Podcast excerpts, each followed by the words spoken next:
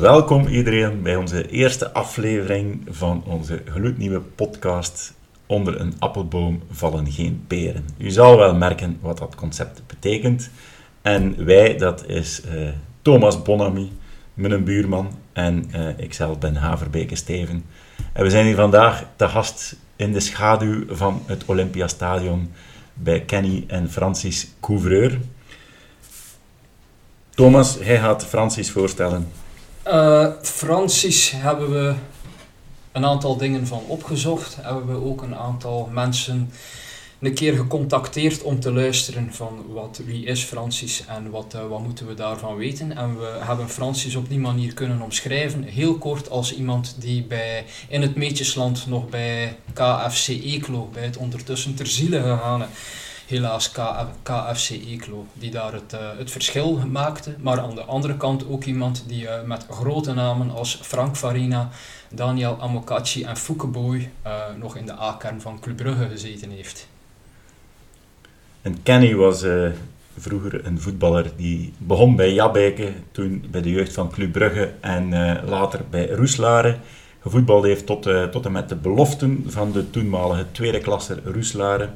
En daarna uh, aan triathlon begonnen is, die ondertussen uh, een overwinning heeft in de age group uh, 25-jarigen bij Ironman Vichy, een Ironman 70.3 voor de kenners, en die ondertussen ook een academische carrière aan het uitbouwen is. Kenny en Cisse, bedankt om ons hier uit te nodigen. Francis, Goedemorgen. wat type voetballer was jij? Uh, ik werd altijd omschreven als een uh, scorende spits die in de ogen van de mensen niet, niet veel bewoog op het veld, maar die wel altijd op de juiste plaats stond. Dat zijn de voetballers die held waard zijn. Hè?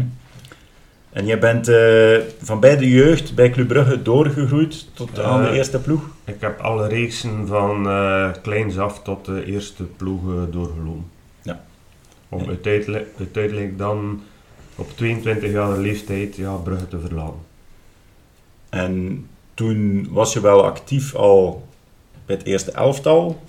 Uh, ik heb drie jaar in de A-kern gezeten. Dus uh, één jaar onder uh, Howard en dan twee jaar onder Lekens. Dat zijn al... en welke... Ja, welke mensen blokkeerden jou toen in de spits? Want ja, zeg drie jaar en dan ben je afge, afge, afgezakt naar tweede nationale. Ja, alleen als jeugdspeler was het dus uh, ja, heel moeilijk om, om door te breken. En uh, ja, wie stond er voor mij? Dat waren iedere keer spelers die aangetrokken werden, die voor ja, een moeilijke periode uh, doormaakten, maar die dan toch hun kans bleven krijgen om in de eerste ploeg terecht te komen. En wie heeft er mij eerst een beetje gecoupeerd? Dat is, denk Rosenthal, Frank Farina, Foucault Boy, Hans Christians, Amokachi, Kenneth Brille. Uh, dus allee, het zijn allemaal geen kleine namen. Hè? Dat zijn namen als een klok. Ik denk mensen die die niet zien voetballen hebben, zijn toch, uh, dat zijn toch namen die je herkent. Dus uh, ja. het is zeker geen schande om daarvan Nee, maar ik heb daar wel, ja, met ieder van die namen dat ik uh, opgesomd heb, tientallen wedstrijden in de belofte gespeeld. Mm. En als je op het einde van de wedstrijd moest zeggen van, ja, wie, wie mag er morgen of verdient er morgen om mee te gaan met eerste ploeg? Ja, dan ging, dan ging je die, allee, die jonge gast iedere keer aanduiden, maar dat was zo niet. Ja, ik bedoel dat, uh, dat jij zelf vond dat je eigenlijk af en toe meer verdiende om... Uh... Wat? Ja, soms op basis van prestaties krijg je een beloning, maar in, in, in de voetbal is dat niet altijd zo. Ja. En heeft dat dan te maken met de, met de connectie die je dan had met, uh, met de trainer, zeg maar? Of met, uh, met de professionele ingesteldheid die anderen misschien niet altijd konden opbrengen als ze bij de beloften actief waren? Ik uh, denk een combinatie van.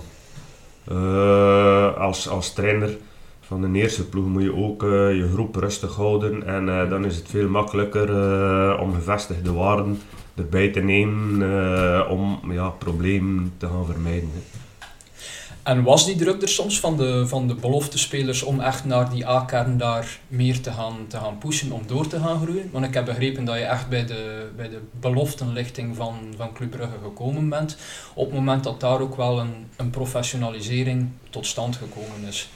Oh, op, op dat moment vond ik het toch uh, nog allez, relatief uh, amateuristisch, zeker omdat ik een uh, bepaalde opleiding had. En uh, ik, op dat moment vond ik dat het uh, professioneler kon en mocht zijn. Ja.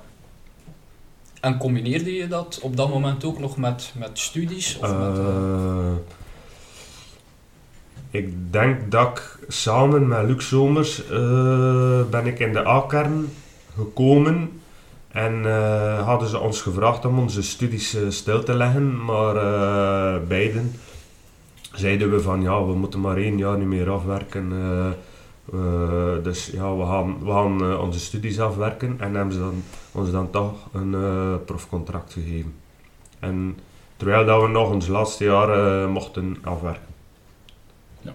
Dus ja, toen was jij misschien een pionier, misschien in het voetbal niet zo, maar bijvoorbeeld in wielrennen of triathlon zie je toch vaker dat iemand nu, dat van vandaag, topsport combineert met studies. Ik denk een Ties Benoot of zo. Ja. Uh, Florian Vermeers, denk ik. Maar ja, toen was dat uh, niet, niet moeilijker. Maar ik denk dat de faciliteiten er nu wel veel beter zijn voor uh, topsport te combineren met, met, een, met een studie. Ik bedoel, de studiefaciliteiten of de sport of combinatie van de twee? Eerder de studiefaciliteiten. Gewoon de mogelijkheid om je studies zodanig lang te spreiden dat in plaats van ja, drie jaar, dat je er vijf of zes jaar over kan doen. Ik denk dat dat vroeger uh, minder evident was of onbestaande. Vroeger waren er uh, geen faciliteiten en uh, toen dat ze op school wisten van ja, allee, ja Francis die zit in de A-kern van Club Brugge, waar je toch een beetje ja, uh, raar bekeken. Ja, en wellicht als voetballer was je dan ook een buitenbeentje tussen al die professionelen die duur betaald werden. Hè. Ik denk dat Farina en een Boy die zullen wel ja. duurder betaald geweest zijn dan jou, dus... Uh, ja, ik durf hier bijna niet te vertellen uh, welk contract dat wij als jonge gast op Club Brugge hadden, maar dat was uh, iemand die ging gaan werken, had ik denk ik een beetje hetzelfde loon of dat wij hadden. Maar als je nu achteraf terugkijkt, want dan, dan ben je niet doorgebroken bij Brugge, dan ben je afgezakt naar Tweede Nationale, FC Eeklo, en dan nog lagere reeksen, ook wel nog een keer Eerste Nationale. Als je nu terugkijkt van, hmm, had ik het anders gedaan, had ik die studies dan toch laten vallen, of denk je van, nee, het is wel goed dat ik daarbij gebleven ben en dat ik het zo gedaan heb? Ik denk, uh, mijzelf kennende en ook mijn lichaam kennende, dat dat uh, het beste was uh, dat ik kon gedaan hebben. Want ik besefte zelf dat ik waarschijnlijk niet het lichaam had om tien jaar ja, topvoetbal te gaan doen. En zo dan financieel toch een, ja, gerust te zijn. Oh, maar ik, moet hier geen oordeel doen, maar ik denk als we nu hier de reclame van jouw praktijk op de auto zien, denk ik dat dat misschien wel de goede keuze was. Want de studies die je volgde, uh, even voor de luisteraars, uh, wat was dat toen? ik ben kinesitherapeut geworden. Ja. En de vrijdag heb ik mijn diploma gehaald en de maandag ben ik zelfstandig begonnen. Nog tijdens je voetbalcarrière? Ja, ondanks mijn profcontract bij Club Brugge. Ja. En nu, zoveel jaar later? We zijn bijna 34 jaar later en uh, ja, ik heb er hm. geen spijt van. Uiteraard niet, dat kan ik me voorstellen. Maar, allee, een scorende spits Um, zegt, ja, de mensen percipiëren jou als ik beweeg weinig, maar dan sta je daar, een Inzaghi, altijd op de juiste plek. Um, hoeveel heb je daar statistieken van? Hoeveel doelpunten? hoeveel, uh, hoeveel nee, assists? Nee, nee, ik denk dat er weinig ploegen zijn geweest uh, waar dat ik geen topschutter ben geworden. Ja. En, en bij FC Eeklo, ik kan het nu moeilijk me exact herinneren, maar was dat eh, ze hebben daar een jaar eindronde gespeeld in eerste nationale. Nee, dat was nog, in tweede nationale, Ja. dat was nog later. Ja. Ja. Eh, dat was twee jaar voor mij dat ze eindronde hebben gespeeld. En toen ik daar toegekomen ben, eh, waren ze sportief toch al een beetje achteruit aan het gaan. Ja. En dat seizoen hebben we de laatste wedstrijd moeten winnen thuis tegen Sint- Sint-Niklaas om eh, in tweede nationale te blijven. Maar dat is dan eh, wel gelukt. Uiteindelijk zijn we daarin geslaagd. En voor mij was dat een, ja, een super seizoen. En de basis van eh, een nieuwe start. Maar ik herinner mij dat inderdaad dat eh, de spionkop in volle vreugde Francis Couvreur aan het, eh, of Cisse aan het eh, toejuichen was. En ik neem aan, toen het voetbal, ja, nu zie je dat misschien minder, maar ik denk de kantine, zelfs bij een tweede nationaler, de après na de match, dat was ook nog redelijk stevig wellicht. Ik moet zeggen, dat jaar in Eeklo was een heel heftig jaar van eh, kantine, etentjes in de week. eh, ja, met de ploegmaats, ondanks de mindere resultaten, eh, was dat een redelijk heftig jaar. Dat, eh, Maar toch iets gescoord. Ja, maar, ja ik heb daar inderdaad eh, mevrouw leren kennen. ah, en uw vrouw is afkomstig uit het Eekloze. Lembeke. Lembeke, Oké. voilà. Dus daar eigenlijk de basis gelegd van een verdere carrière, maar Ja. ook van het... eh Ja. Kenny Ja, als, eh, als resultaat daarvan. Ehm, dus je zegt ja, een beetje een herstart eh, of de basis gelegd van, van jouw verdere carrière. Dan had ik gezien via Oostende ben je eigenlijk naar Harelbeke terechtgekomen. En daar eigenlijk mee de stap van tweede naar eerste nationale gemaakt. Inderdaad, na Oostende zat ik bijna terug in Eeklo. Want eh, die waren bereid dus om financiële inspanning te doen. Eh, maar in die periode bestond het transfersysteem nog. En moest er dus eh, aan de club waar je toe behoorde een, oftewel een huurbedrag oftewel een transferbedrag betaald worden. Eeklo was bereid mij terug te huren. Maar Harelbeke was ook geïnteresseerd en naar Harelbeke wilde Club Brugge mij enkel op wilde mij enkel verkopen. En omdat op die manier dat er eh, ja, eh iets meer geld in het laadje kwam voor, voor Brugge en Harelbeek was bereid inderdaad om de volledige transfersom te betalen. En zo ben ik daar terecht gekomen. Dus eigenlijk hadden de clubs, dat was dan de periode voor het Bosman-arrest, daar eigenlijk zeer veel in, in de pap te brokken. Eh, dat is ook een beetje de reden waarom het dus in andere ploegen, of dat ik ook niet in andere ploegen terecht gekomen ben. Om, er was altijd re- redelijk wat interesse van bijvoorbeeld Lierse, Charleroi, een keer RKC Waalwijk, maar doordat er dus een groot transferbedrag op je voorhoofd stond, eh, ja, waren die ploegen of kon die ploeg dat, niet op tafel leggen eh, voor een speler die ja, nog niet zo heel veel bewezen had.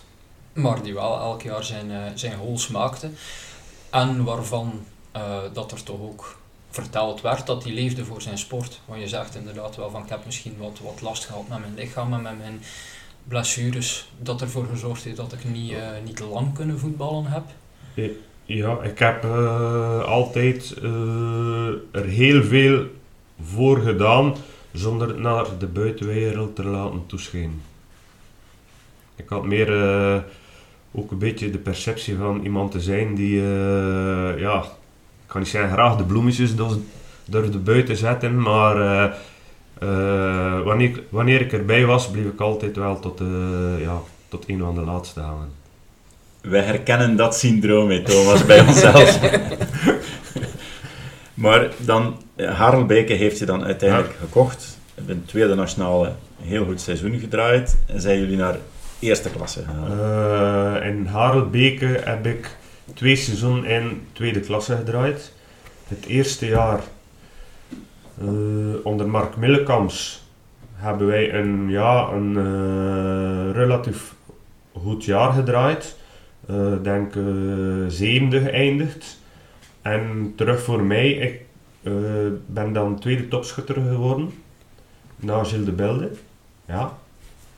Eh, het jaar erop heeft eh, Howard het overgenomen en ben ik terug tweede topschutter geworden samen met eh, Branko Stroepar.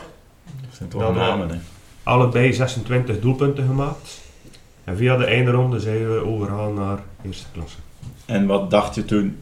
Eindelijk eerste nationale, nieuwe kans om het nu echt te maken op het hoogste niveau. Ja, eh, ik had dan ook wel ja, het vertrouwen gekregen van een trainer. Of ik kreeg toch het gevoel dat het vertrouwen er was. En eh, ik dacht, ja, nu ben ik eh, gelanceerd ja, om dus eh, toch een x aantal jaren iets te tonen in de voetbal. Of iets te betekenen voor de voetbal, eerste nationaal. Maar spijtig genoeg, na acht wedstrijden, ja, loop ik een scheur op in mijn Achillespees en twee operaties, een, een jaar oud, een jaar nog revalideren en zo ben ik dan, ja, of heb ik dan de beslissing genomen op, eh, om op een lager niveau te gaan voetballen. Ja, dus het is eigenlijk echt zoals je al een paar jaar ervoor gevoeld had. Het lijf kan het dan misschien niet, Ja. niet meer aan. Eh, iedere keer toen ik in tweede klasse voetbalde, ja, kon ik een seizoen probleemloos eh, ja, doormaken zonder echt blessures. Maar iedere keer dat trapje hoger eerste nationale was, ofwel ja, de intensiteit te hoog of te veel training. En, eh, ja.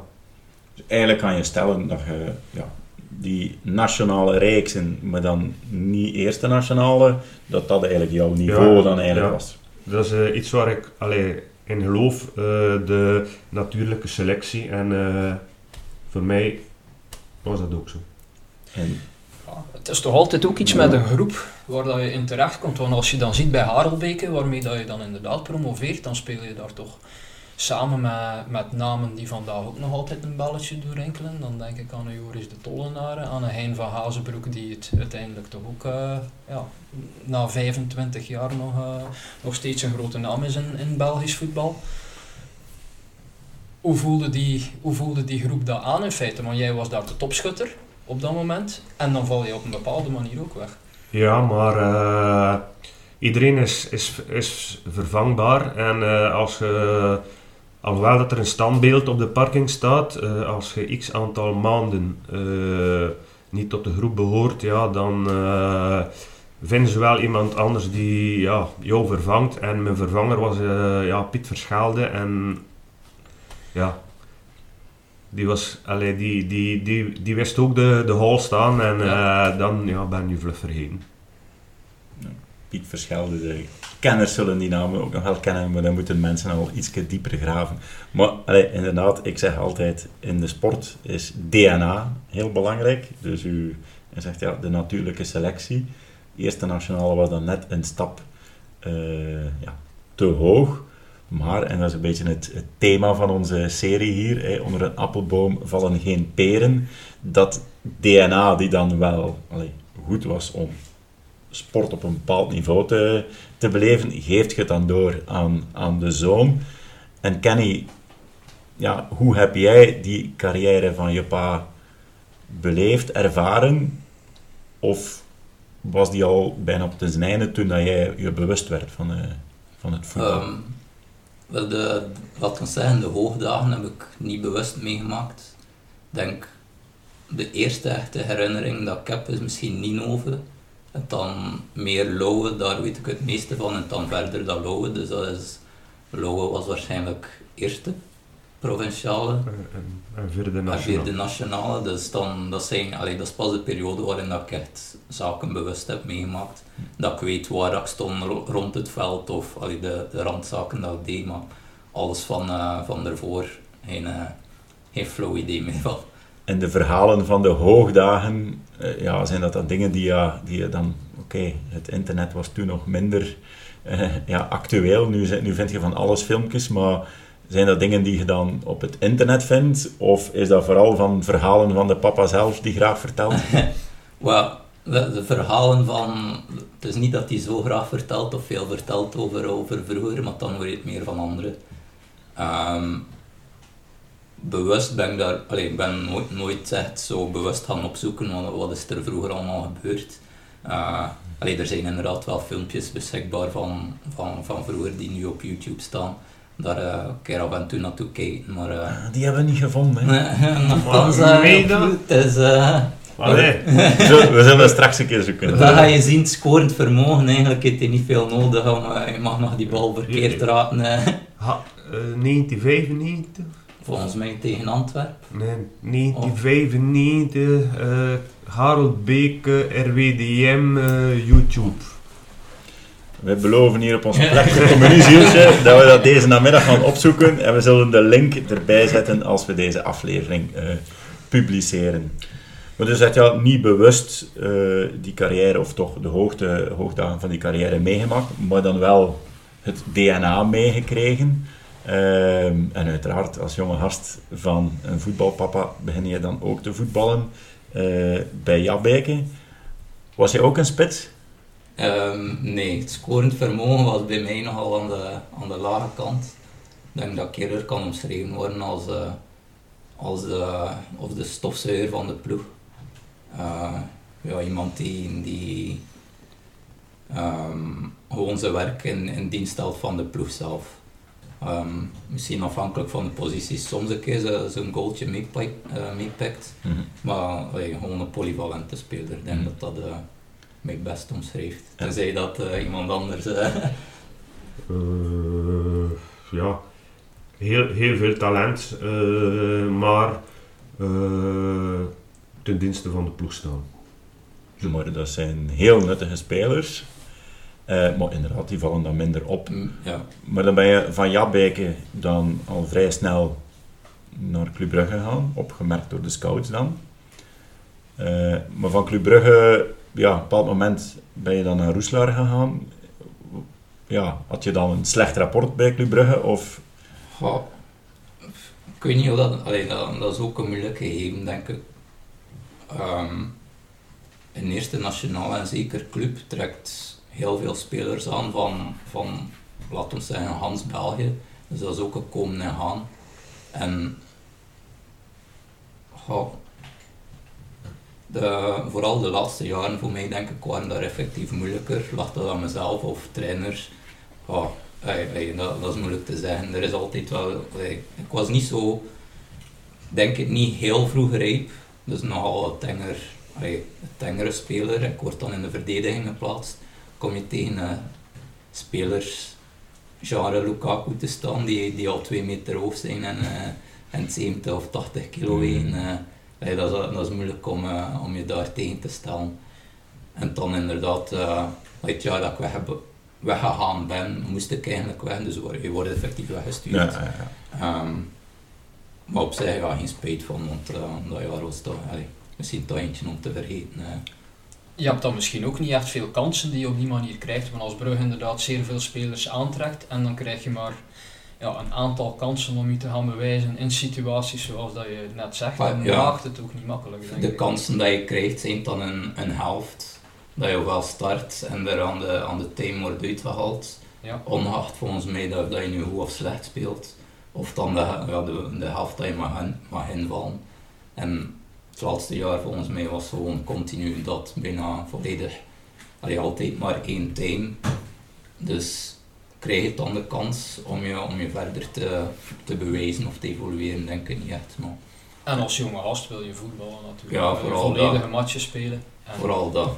Uh, en de familienaam, hè, want iedereen bij Club Brugge wellicht kende Francis, weet, je bent de zoon van.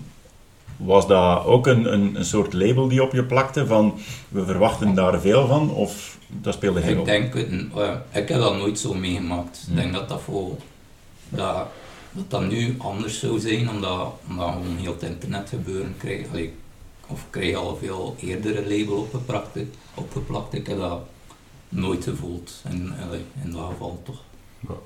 Dat is iets dat we wel te weinig hebben gebruikt, het feit dat ik ook gevoetbald heb.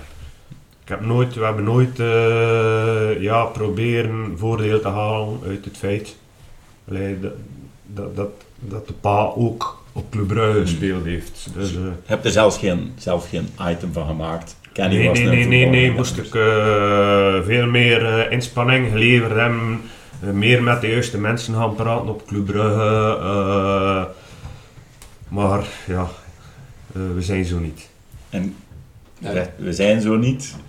Waren dan anderen, heb je het gevoel, die dat dan wel uh, op slinkse manier bij de trainer uh, op een goed blaadje proberen te staan? Ja, ik was daar te jong voor om dat te merken en uh, om mij daarmee bezig te houden. Ja, dus ik kon mij dat, ja. Meestal zijn dat ook niet de ouders die dat doen. Hè. meestal zijn dat niet de spelers. Nee, nee, nee. nee, nee, Hey, maar als je zelf voetbal hebt, is het niet abnormaal ja, dat er ja, voetbalgenen dan hmm. in, in, in, de zoon of de dochter zitten. Uh, en dan de juiste connecties maken het dan ook wel een klein beetje makkelijker soms, hmm. maar die connecties moet je wel gaan onderhouden. Ja. En andere vaders kenden misschien die, of gebruikten die weg naar de bestuurskamer en de trainerskamer misschien wel iets intensiever dat, dan ja, jullie dat inderdaad, ja, maar zo werkt het. Ja. Uh, en heb je dat dan niet gedaan omdat je dan iets had van, ja, misschien is voetbal het dan misschien toch niet 100%, want uiteindelijk ben je dan nadien ook een andere weg ingeslaan waar dat je ja, helemaal naam aan het maken bent vandaag. Dat je zegt van ik, want als je die, die kaart van het voetbal 100% trekt, ja, dan, dan, dan doe je dat misschien wel. Of zeg je van misschien houden we de boot hier nog even af. Ja, maar ook rekening, ik hield ook rekening met wat ik zag en uh, om in de voetbal mee te draaien moet je een bepaald uh, ja, profiel, karakter hebben. En uh, ja, misschien ontbrak Kenny dat wel, allee, die, die, die, die, dat karakter. Ja, want daar komen we straks op. Uh, het verschil tussen triathlon en voetbal, maar dat is voor, voor straks. Maar dus, dan ga je van Club Brugge, hè, dan sturen ze jou weg, ga je bij Roeslaren, tot bij de beloften en daar is dan misschien hetzelfde verhaal. Was dat dan een moeilijke beslissing om te zeggen van, ja kijk, ik stop hier met het voetbal, of wou je daar toch per se in blijven? Um, goh, bij Roeselaar heb ik wel heel goede periodes meegemaakt, zo de U16, 17, 19. Ik denk dat als ploeg zijnde was dat gewoon, volgens mij de beste ploeg dat je kon mee hebben.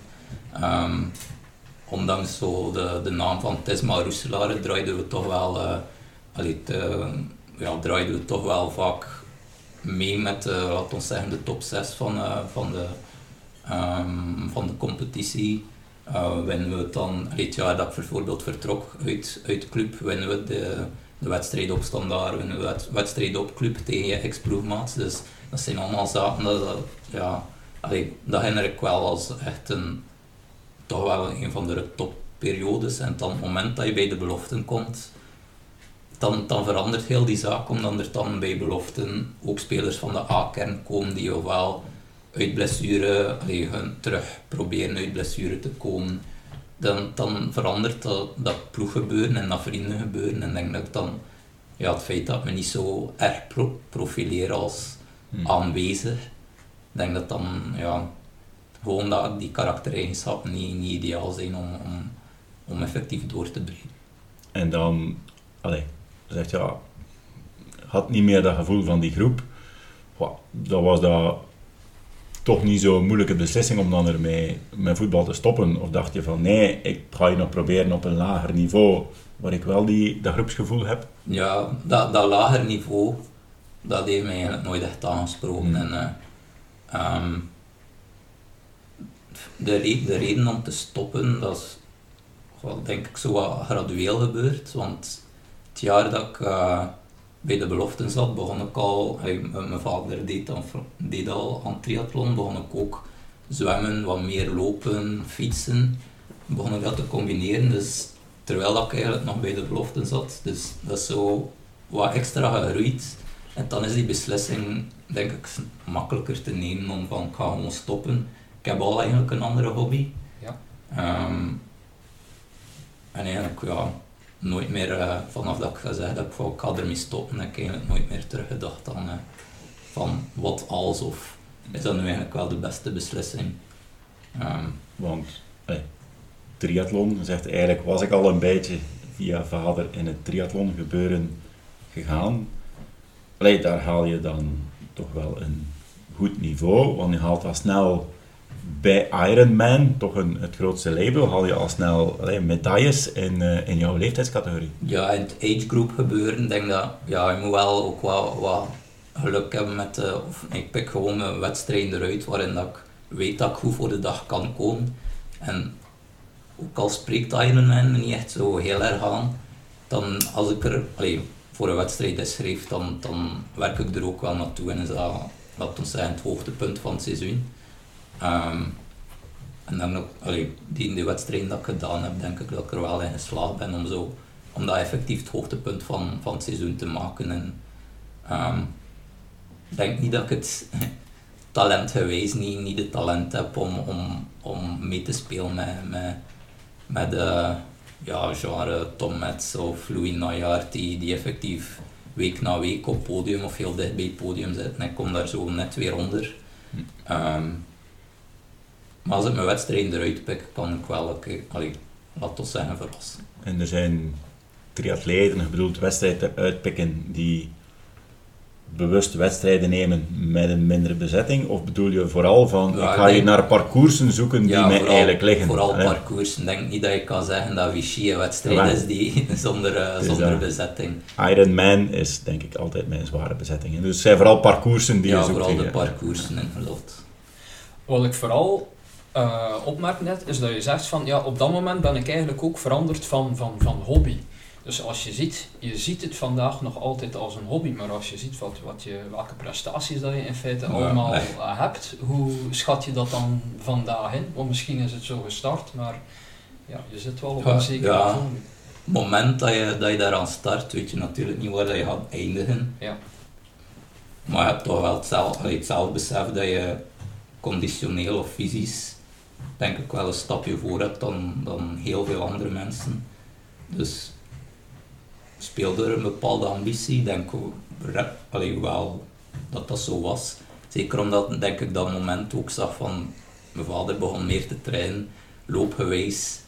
Allee, als je samen in een wedstrijd of een kerstloop 10 kilometer start en je ziet dat die zo net voor je eindigt, dat is wel een trigger om, om, eh, om verder te trainen natuurlijk. Dat versterkt wel eh, de, Het de drive om... Ja, hey, in die mate, dat competitiegevoel is er wel. Ehm, om jezelf te bewijzen. Om, eh, dat, ja, omdat dat een, we zeggen, een eenzame sport is of iets dat je voor jezelf doet, is dat Ja. een ander gebeuren dan dat, dan, dan dat voetbal gebeuren. Daar kan je ook wel bewijzen, maar ja, eigenlijk bewijs je meer voor anderen in het voetbal. Terwijl, Ja, ja, ja. Dus triathlon is gewoon iets puur voor jezelf. En hebben jullie ooit samen aan een wedstrijd deelgenomen? Allee, dat mag zowel in het voetbal als in de triathlon zijn, maar ik kan me wel inbeelden dat dat een, een, een extra factor is die Er dat zijn misschien eh, zou kunnen zeker in het begin eh, genoeg wedstrijden geweest waar dat we samen aan de start stonden. En, eh, En dat er eh, tijdens het fietsparcours, eh, als het ergens met een, eh, een soort heen en weer eh, U-turn was, zou ik toch wel kijken van eh, wie zit Ja. waar. Ja. hoeveel, ligt, hoeveel ligt de papa nog voor? Ja, maar ja, Maar dat zei eerste jaar, het tweede jaar begint dat te veranderen. eh. en, hoe, en, en hoe voelt die papa dat dan aan? Want inderdaad, die papa die wordt iedere, iedere dag ouder en die zoon die ja, traint en zijn niveau stijgt ook. Dus voel je dat dan, dat die, dat die ja, ja, voorsprong ja, ja. slinkt? Ik denk eh, het eerste jaar eh, kon ik nog voorblijven omdat ik dan meer trainde. Eh, maar dan zie je een keer eh, toen dat Kenny een, een zomervakantie, twee maanden echt kon doortrainen. eh, weet ik nog heel goed, deden we mee de cross triathlon en de Haan. En in juli, begin juli was ik nog, denk ik, in Middelkerken. Ja, ben ik voor hem aangekomen en daar kreeg ik direct, ah, en dat was het BK Cross Triathlon, kreeg ik direct 11 of 12 minuten aan mijn broek, ondanks het feit dat ik eh, derde was in mijn leeftijdscategorie. ja, dan En dan eh, weet je van, eh, is eigenlijk al vrij snel wat er ja, nu, de Kenny de Cisse nu is, voorbij gestoken. nu is het gedaan. We hebben nog x aantal jaar heel veel training tezamen kunnen doen. Maar nu is het ja, twee, twee of drie jaar eh, dat zelfs voor mij niet meer haalbaar is om bijvoorbeeld eh, ja, een fietstraining tezamen te doen. De rustige duurtrainingen, dat moet nog kunnen. Zelfs dat niet. Maar- Zelfs dat wordt... eh, En hoe is dat voor jou? Allee, je hebt dan echt heel lang gevoetbald. Verschillende clubs. Je zegt, ja... Als er een après was, na de match in de kantine, was ik meestal bij de laatste. En hoe is dat voor jou qua beleving nu in, in triathlon als individuele sport ten opzichte van het voetbalgebeuren die een ploegsport is? Ja, maar voor mij is het triathlon gebeuren toch ook nog altijd ploegsport gebleven. Omdat ik eh, ja, mij dan redelijk aangesloten heb in eh, TBT Brugge. Eh, en daar werden er ook activiteiten georga- georganiseerd en was ik er ook wel altijd bij. Eh, Ja, ik herinner me vooral donderdagavond na zwemtraining. Afsluiten van ja. de kantine. Dat, eh, Dat waren zware avonden. en aangezien het voor mij toch eh, dat er niets mee te verdienen was, vond ik het feit, ja, gezonde geest en een gezond lichaam. En eh, ja, dat randgebeuren moet er ook nog altijd bij kunnen voor mij. Oei, en ik dacht dat ik als recreant triatleet, dat ik eh, ja, mijn eh, levensstijl moest verantwoorden of moest compenseren met een beetje sportief zijn, maar dat is op een Maar- hoger niveau dus ook nog het geval. Automatisch doe je dat of wel een beetje. Compenseren met andere, met de plezante. Nee, maar al- als je, wat, als je wat talent hebt en je bent in vorm, ja, dan kan je... eh, dan doe je soms dingen dat je zegt van, ja, hoe is dat mogelijk? Dan mag je zelfs nog een sigaretje roken, zoals sommige gemeenschappelijke Ja, en- kennissen. eh. Ah, Ja, ik, ik heb nog eh, de kerstloop meegedaan. eh. de avond voordien wa- was het bestuursvergadering en tongerloos tot 2, 3 uur. En de volgende dag toch ja, 38 minuten lopen op de kerstloop met een zwaar hoofd. Maar dus eigenlijk van, van die individuele sport die triathlon eigenlijk is, heb je eigenlijk ook ja, een beetje een ploegsport gemaakt voor jezelf om het, ja, Ja. ik bedoel, om het aangenaam eh, Omdat dat bij, bij mijn karakter paste. Mhm. Bijna ieder training, veel training doe ik wel alleen.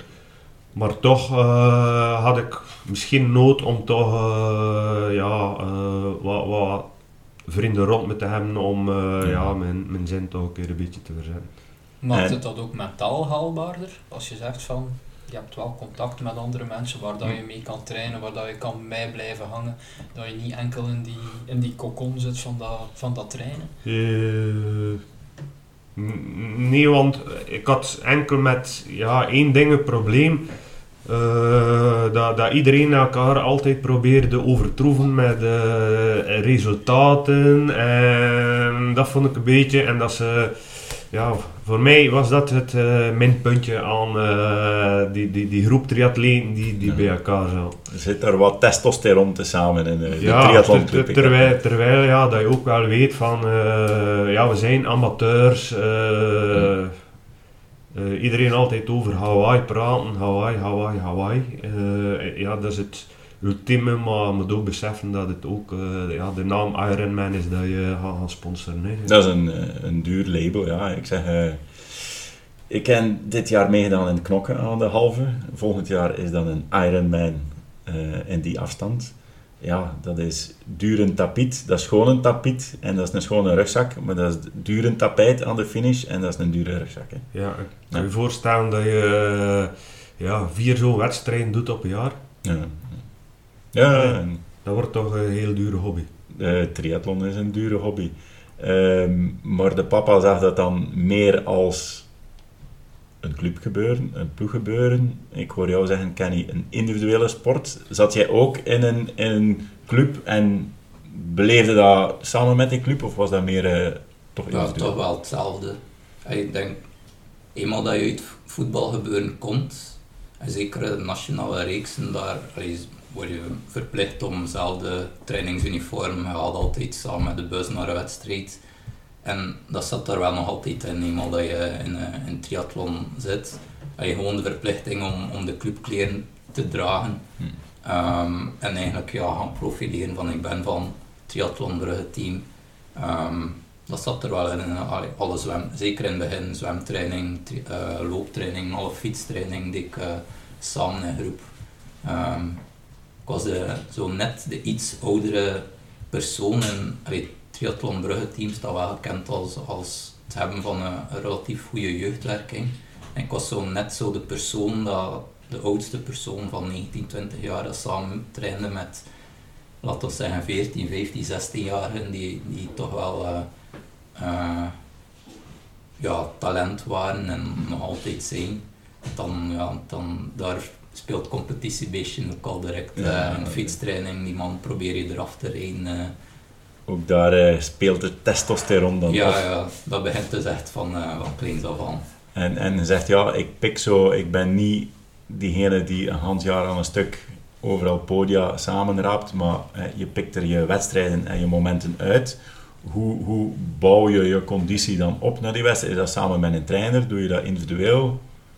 Um, in, de, in de beginjaren was dat, um, was dat Mike Bogaert die, die, die schema's begon uit te werken, omdat, omdat hij ook wel door had van ja, allee, begon een bepaald niveau te halen en ik deed dat allemaal op mijn eigen. Dan kwam er steeds meer structuur in.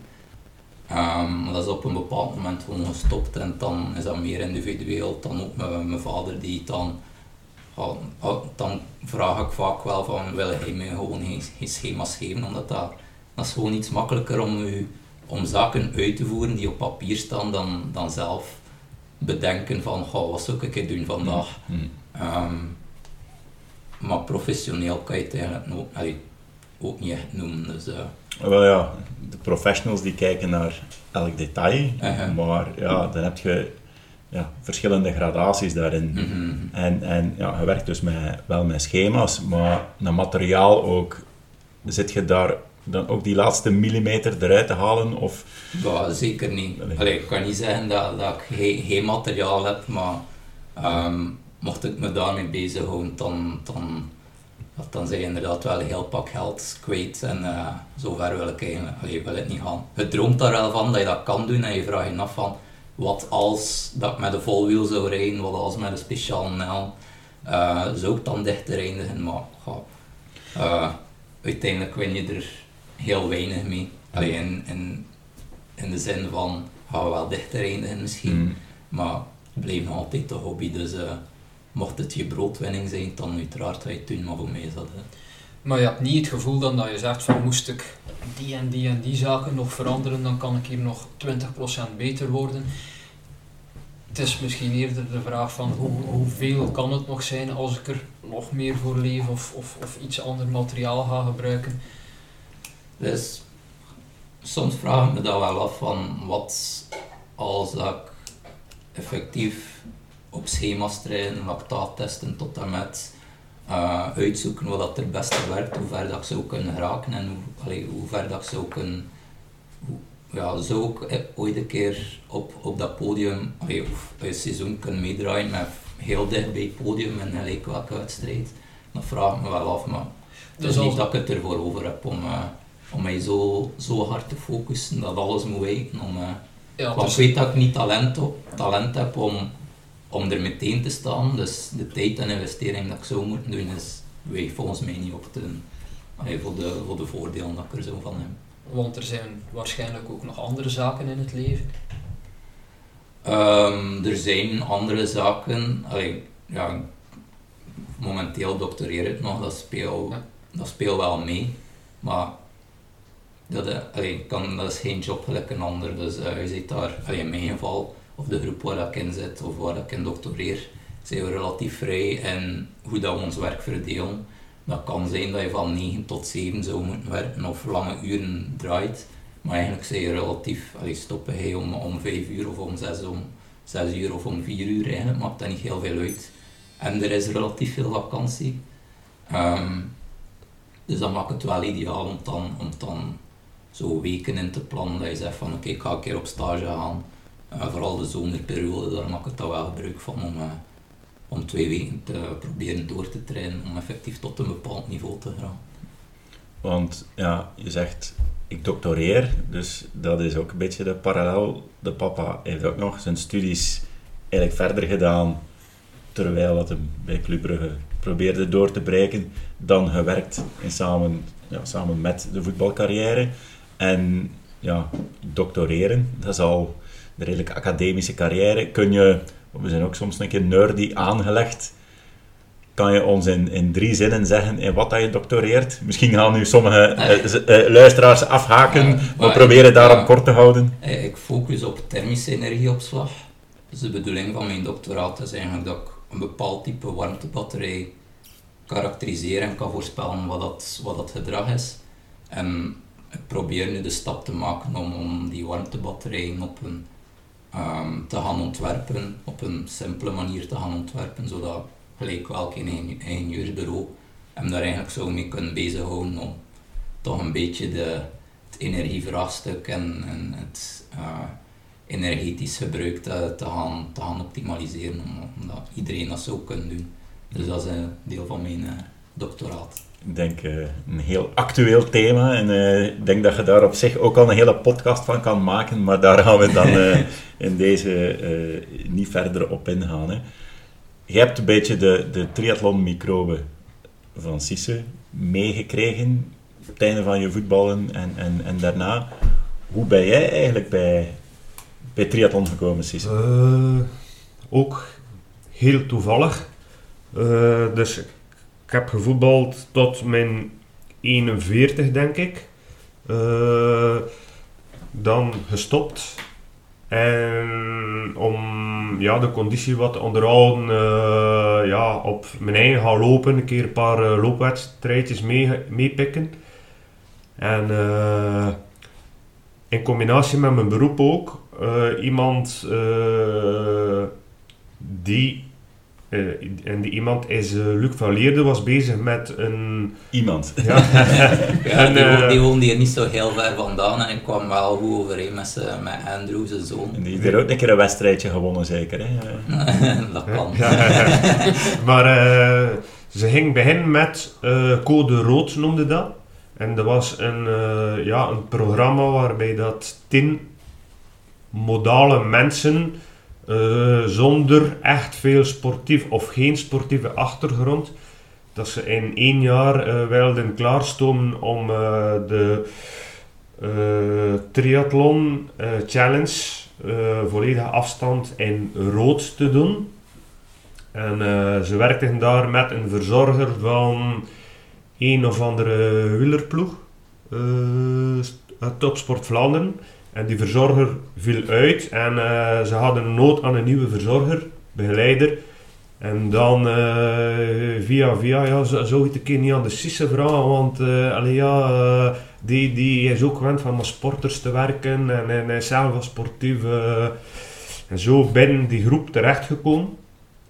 En ja, mij laten zot maken om ook een keer ja, de, de halve triathlon in Leuven mee te pikken. Dat was een voorbereidingswedstrijd voor hen. Dat, dat, dat programma eh, dat werd uh, ook gevolgd door uh, Focus WTV, dus iedere week was er daar een stuk van te zien. De zondagavond op uh, Focus WTV. Nou, we zullen een keer kijken op YouTube. Ja. En ik heb mijn, mijn kop laten zopmaken van oké, okay, de triathlon van Leuven, maar als ik me voor iets inschrijven wil ik dat dan ook wel goed doen. En uh, ja, in vijf maanden uh, heb ik mij moeten klaarstomen, niet, niet echt kunnen zwemmen uh, voor de triathlon van Leuven. En ik heb daar goed resultaat neergezet, mij heel goed geamuseerd en ja, zo was het. De microbe, ja. microbe zat in het lijf.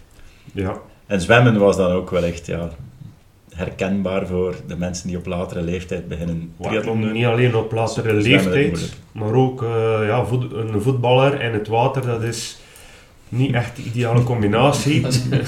uh, dus dat was dus ook ja, gedurende het triathlon gebeuren toch een beetje uh, ja, mijn, mijn minpunt. N niet slecht, maar om echt topresultaat neer te zetten, uh, moet je mee zijn met de, met de groep. Uh, uw, uw goede vriend Mark van Parijs zwemt er uw vlotjes af. Oh, uh, soms verschieten ze nog. Als ik zeg van, ik ga me in de voeten uh, zetten, kunnen ze soms nog aardig verschieten uh, als ze uit water komen. En eenmaal dat hij een pak aan heeft, ah. dan, is het, dan is het helemaal... Uh... Met een, met een wetsuit had, had het een stuk vlotter.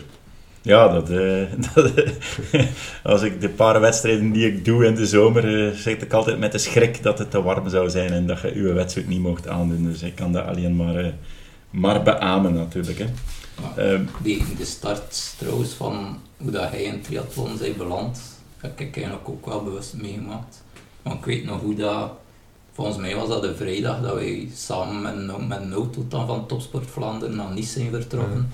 Om, uh, er was daar een marathon of halve marathon, dus waar dan die mensen van Code Rood aan, aan meededen. En een vrijdag, ja, ik zat nog in het middelbaar. Ik weet nog dat mijn leraar Frans eigenlijk stond er een daguitstap gepland. Ik heb ook mijn kat gestuurd. Ik weet dat hij nog... Uh, Hopelijk luistert hij niet. Nee, waarschijnlijk niet. Dus daarom... Uh, die was niet zo heel erg content. En de, de volgende...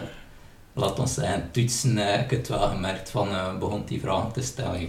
Vragen te stellen over die daguitstap. Ik mocht ze niet skippen. Dus, maar het feit dat je nu aan het doctoreren bent... Ik denk niet dat die leraar van het middelbaar dat ooit zou kunnen bereiken. Dus dat is even lik op stuk gegeven, denk ik. Dus misschien was je wel een van de, in vergelijking met die tien mensen van Code Rood, was je misschien nog de meest gedrevene die het dan uiteindelijk nog... Uh... Ja, ook weer uh, het niet laten uitschijnen, uh, maar zonder dat iedereen het zag, ja, er toch wel voor gaan. Onder de radar trainen. Ja, en dan, soms durven ze wel een keer zeggen, strevertje. ja, maar dan heb je toch een klein beetje nodig in triathlon, denk ik. Maar dus je bent via jouw praktijk eigenlijk in het triathlon terechtgekomen. Uh, wat voor klanten krijg je over de vloer in jouw praktijk? Zijn dat dan vooral sporters die revalideren en die dan trainen en core? Of krijg je meer de oude madammetjes die een beenbreuk gehad hebben en die uh, moeten herstellen? Bij mij in de praktijk was het uh, altijd vooral gericht op revalidatie. En door het feit dat je altijd in het, in het sportmilieu zit, uh, had ik veel, heel veel sporters over de vloer. Maar nu is het een uh, paar jaar dat ik niet meer aangesloten ben in een club. En uh, je ziet toch dat dat een klein beetje achteruit gaat qua sporters die komen naar de praktijk. Maar nu heb ik een ja, soort samenwerking met, met Louis Kant een toptennisser toch in België geweest. En doet de verzorging, ging altijd mee met Kirsten Flipkes als uh, verzorger, uh, sparringpartner. En, en nu, ja, de, de, de praktijk is niet overgelaten. Het, hij, zit nu, hij heeft het huis of waar ik mijn werk deed overgenomen. En nu zie je toch dat terug dat ze vooral sporters zijn of heel veel sporters uh, ja, die bij me komen. Ja, dus eigenlijk werk je samen met iemand anders momenteel? Uh, we werken niet echt samen samen, maar we zitten wel samen in uh, ja, hetzelfde praktijk. Ja, ja. En ja, dat is iets, we zijn stilaan aan het, aan het afronden en we kijken naar de toekomst die praktijk, dat is nog iets dat je met veel hoesting en de triathlon combineren nog ettelijke jaren gaat doen? Of denk je al aan, we gaan dat hier een beetje afbouwen? Uh, afbouwen, als je ouder wordt, word je wel bewust van uh, dat er ook andere dingen zijn in het leven. Allee, ik ben wel nog altijd heel gemotiveerd om, om te sporten, om, om, om te bewegen. Ik ben nog altijd heel gemotiveerd uh, om mijn werk te doen, maar ik ben ook heel gemotiveerd om toch uh, ja, te genieten van het leven. Daar uh, kunnen wij jou geen ongelijk in geven. Ehm, en Kenny, je zegt ja, ik pik er zo'n beetje mijn wedstrijden uit. Het is nu ja, begin van de winter. Wanneer wordt die wedstrijdplanning opgemaakt voor, voor een volgend seizoen? Ik denk dat dat voor, voor dit jaar pakweg rond januari, februari gaat gebeuren. Dus dat, dat kan, allee, dat is misschien aan de late kant, maar ik ben mijn doctoraat aan het afwerken, dus dat speelt daar wel een rol in. Uh, dus dat is een iets drukkere periode of normaal. Um, maar typisch gebeurt dat toch wel, allee, normaal gezien in, in november, december. Ja. Um, probeer het mijn schema op te maken en eigenlijk, allee, zo simpel is dat niet altijd. Er zijn altijd conferenties die eigenlijk jammer genoeg meestal in de zomerperiode uh, plaatsvinden. En ja, dat zijn dan conferenties waar uh, dat dan een week duren, heb je eigenlijk geen, weinig tot geen kans om te trainen. Dus dat, is zo, dat is zo moeilijk evenwicht dat je moet vinden van naar welke conferentie ga ik gaan. En kan ik dat dan combineren met een bepaalde wedstrijd waar ik toch wel um, goed wil zijn. Um, maar voor volgend jaar heb ik eigenlijk nog geen flow idee waar. En, uh, waar dat ik goed zou willen zijn en uh, ja. uh, wanneer. En als we dan even verder kijken, dan zegt ik ben mijn doctoraat aan het afwerken. Wat kan er met dat doctoraat eh, dan de komende jaren, de privé, academische carrière blijven en combinatie houden met triathlon? Of? Een, een academische carrière, dat, uh, dat is niks voor mij. Het is niet dat ik bewoog om, om professor of zo te worden. Um, doctoraat zelf, ja, allee, dat is gewoon dat is zo wat iets extra. En dat je sowieso, als je geïnteresseerd bent in onderzoek, is dat eigenlijk wel een logische stap om na, um, na je studies eigenlijk verder te focussen op iets dat je graag doet. Terwijl dat, dat industrie vaak iets moeilijker is. Um, maar mijn, momenteel ben ik plannen aan, aan het maken om hetgeen waar ik op doctoreer, om daar effectief een productontwikkeling en een bedrijf proberen op te richten, dan ja. samenwerking of laten we zeggen een um, ja, samenwerken met de universiteit Gent die dan de faciliteiten en uh, vooral het geld kan voorzien uh, om, om ja, richting potentieel product of een bedrijf te gaan, uh, te gaan hmm. toewerken. Maar je zou het graag zelf ontwikkelen als ik het Ja, zo dat, dat is uiteindelijk wel de bedoeling om, om tot iets te komen dat van alleen, toch grotendeels van jezelf is. En ik zie mezelf niet naar de, naar de grote industrie gaan waar dat je um, wat ons zeggen, een nummer zit of gefocust op, op, op een installatie en waar dat uiteindelijk gewoon de efficiëntie uh, alles bepalend is, maar eigenlijk wel gewoon traject doorlopen van iets opbouwen dat, uh, dat uh, ja, potentieel um, belangrijk kan zijn in de toekomst. In een groot bedrijf, voor je het weet, neemt Elon Musk dat over en smijt hij de helft buiten natuurlijk. Hè. Of maar, Mark. En, en dat zie je jezelf nog, hè, zelf eigenlijk een, bedrijf opzetten en iets uit de grond stappen, zie je dan nog te combineren met triathlon? Of zeg je dan, mm, dan ga ik dat toch op een lager ah, pitje ja, moeten zetten? Dat, dat, is iets dat, dat moeilijk te beantwoorden is. Dus, ja. ik zou het eigenlijk nog niet weten. Ah, alleen eenmaal dat die fase er zo zou zijn, omdat je effectief met een doorstart zou zetten, dan, dan moet je eigenlijk, allee, dan is mijn standpunt, moet je gewoon alles daarop zetten en dan ja, volledig de sport vaarwel zeggen, dat gaat waarschijnlijk niet zijn, omdat, omdat ik wel voel dat ik ook mijn zin moet kunnen verzetten. Um, maar dan zal het alleszins op competitief niveau een stukje minder zijn. En ik weet niet of dat er nog andere gebieden zijn, ik zeg maar iets van, van een partner of uh, van daar kruipt ook natuurlijk wel wat. Uh, uh, ik heb inderdaad een vriendin Um, binnen een goede maand kan ik eigenlijk na anderhalf jaar verhuizen naar een huis dat we, dat we gekocht hebben in Jabeke. Um, maar zij is daar relatief gemakkelijk mee. Ze, dat ik kan doen en staan waar ik wil zonder al te veel te zagen dat uh, zijn nu weer weg om te gaan trainen, dus uh, dat is het probleem niet. Ze heeft graag een gezonde sportieve man in huis, dus die moet kunnen trainen. En uh, als we dan nog even verder gaan kijken, misschien een vraag dat nog niet, hè, om, om bij het thema te blijven waar we mee bezig zijn, hè, de peren hè, die niet onder een appelboom liggen. Stel dat er later kinderen zijn, het cliché is ze moeten doen wat ze graag doen, maar ga je dan... Het eerste wat dat, dan zal het misschien wel naar een zwemclub zijn of een atletiekclub. Dus uh, allee, probeer niet, als, als het geen sportief type is, geen probleem. Maar, het gaat uh, toch... Het, uh, het, je ziet het, de voordelen van, van sport doen, dus ik vind het zou wel tof en tof zijn mocht eventueel een klein ook ergens in de sport terechtkomen. Maar triathlon, dat hoeft niet te... Ja is het atletiek, is het gymnastiek, uh, skillen, maakt allemaal niet uit. Ze moeten doen wat dat ze graag doen, Ja. maar bij alle sporten die je opgenomen is voetbal niet naar boven gekomen. Eh, ja, dat is een speciale wereld, dus eh, mocht eh, hij of zij daarin passen, geen probleem. Maar dat is voor mij eh, het is zeker geen vereist om, eh, ik zal niet zeggen van eh sluit je maar aan aan een voetbalclub inderdaad. We we hebben wel nog vergeten zeggen, ken jij nog een sport dan? Nou ja, dat is waar. Ik heb ooit nog begonnen met karate. Ik denk dat volgens mij is dat niet iets dat ik zelf gekozen heb. Ik weet het niet. volgens mij was dat iets om... eh, Nee, nee, nee, nee, nee. We zagen direct niet wat dat zijn probleem was, maar waar dat er kon aan gewerkt worden. Een soort, eh, ja, Als je te stil bent... assertiviteit. En zeiden we, ja, we gaan hem, eh, we gaan hem inschrijven in de karate, dat hij daar een keer goed in eh, zijn wafel krijgt. een bakkers krijgen.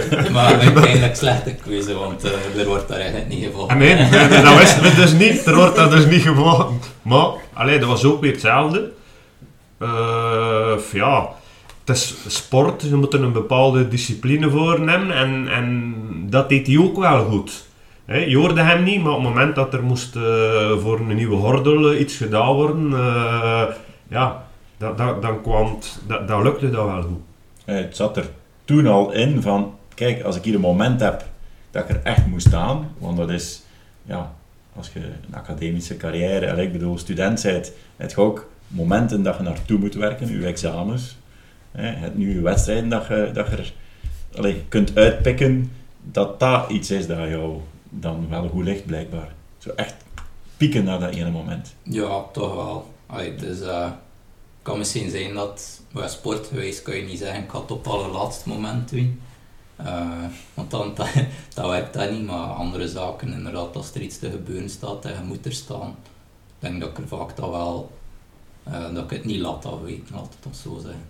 Dat is denk ik een, eh, een mooie ingesteldheid, een mooie gedachte om, eh, om stilaan mee af te sluiten. Eh, misschien nog één vraag. Hebben jullie hier, hè, en we zijn ons netwerk en onze connecties aan het uitbouwen, bij wie denken jullie in jullie omgeving dat wij nog een keer zo'n heel interessante babbel kunnen gaan hebben? Ah, dat is simpel.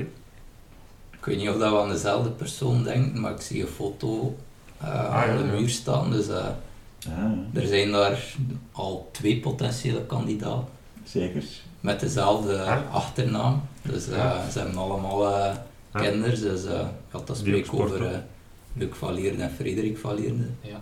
Zou misschien wel een mooie, Ja. mooie podcast kunnen zijn. Die hebben alle een twee, foto, hè? die hebben alle twee luisteren. We zullen een foto nemen van de foto en we zullen hem delen met Ah, de is- luisteraars. Het, is dus, het gaat dus over eh, Luc van Lierde en Frederik van Lierde uiteraard, die daar in Hawaii een, eh, een schone wedstrijd Ik gewonnen of hebben. dat Daar. hij aan dezelfde Ja, persoon het, eh, dacht. ik dacht Dus, ook aan Luc van Lierde. Ja, wij zoeken nog eh, een toegangsticket naar hun voordeur en eh, als wij connecties hebben Ja. daartoe, eh, zou het altijd Het interessant is zijn. niet heel ver van hier, dus eh, Met deze foto hebben we ons toegangsticket gekregen.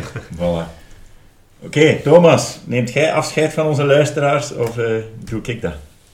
Dat gaan we samen doen, Steven. Eh, ik vond het geweldig plezant om, eh, om hier vandaag in Brugge bij jullie aanwezig te zijn. Sisse en Kenny. Eh, en ik denk dat we een mooi startschot gegeven hebben van onze reeks. En we kijken nu al uit naar de volgende aflevering. Voilà, en iedereen die geluisterd heeft en heeft bepaalde suggesties om het beter te doen, laat het ons gerust weten. Wij zijn ook maar jonge gasten geweest die proberen goed te doen en altijd proberen beter te doen. Hè. Cisse en Kenny bedankt en die fles rozeewijn zet ze niet op tafel als Mark van Parijs hier komt, want dan is hij leeg. Hè. We gaan champagne zetten voor hem. Oeh, dat drinkt hij niet graag. Daarom Tot de volgende aflevering.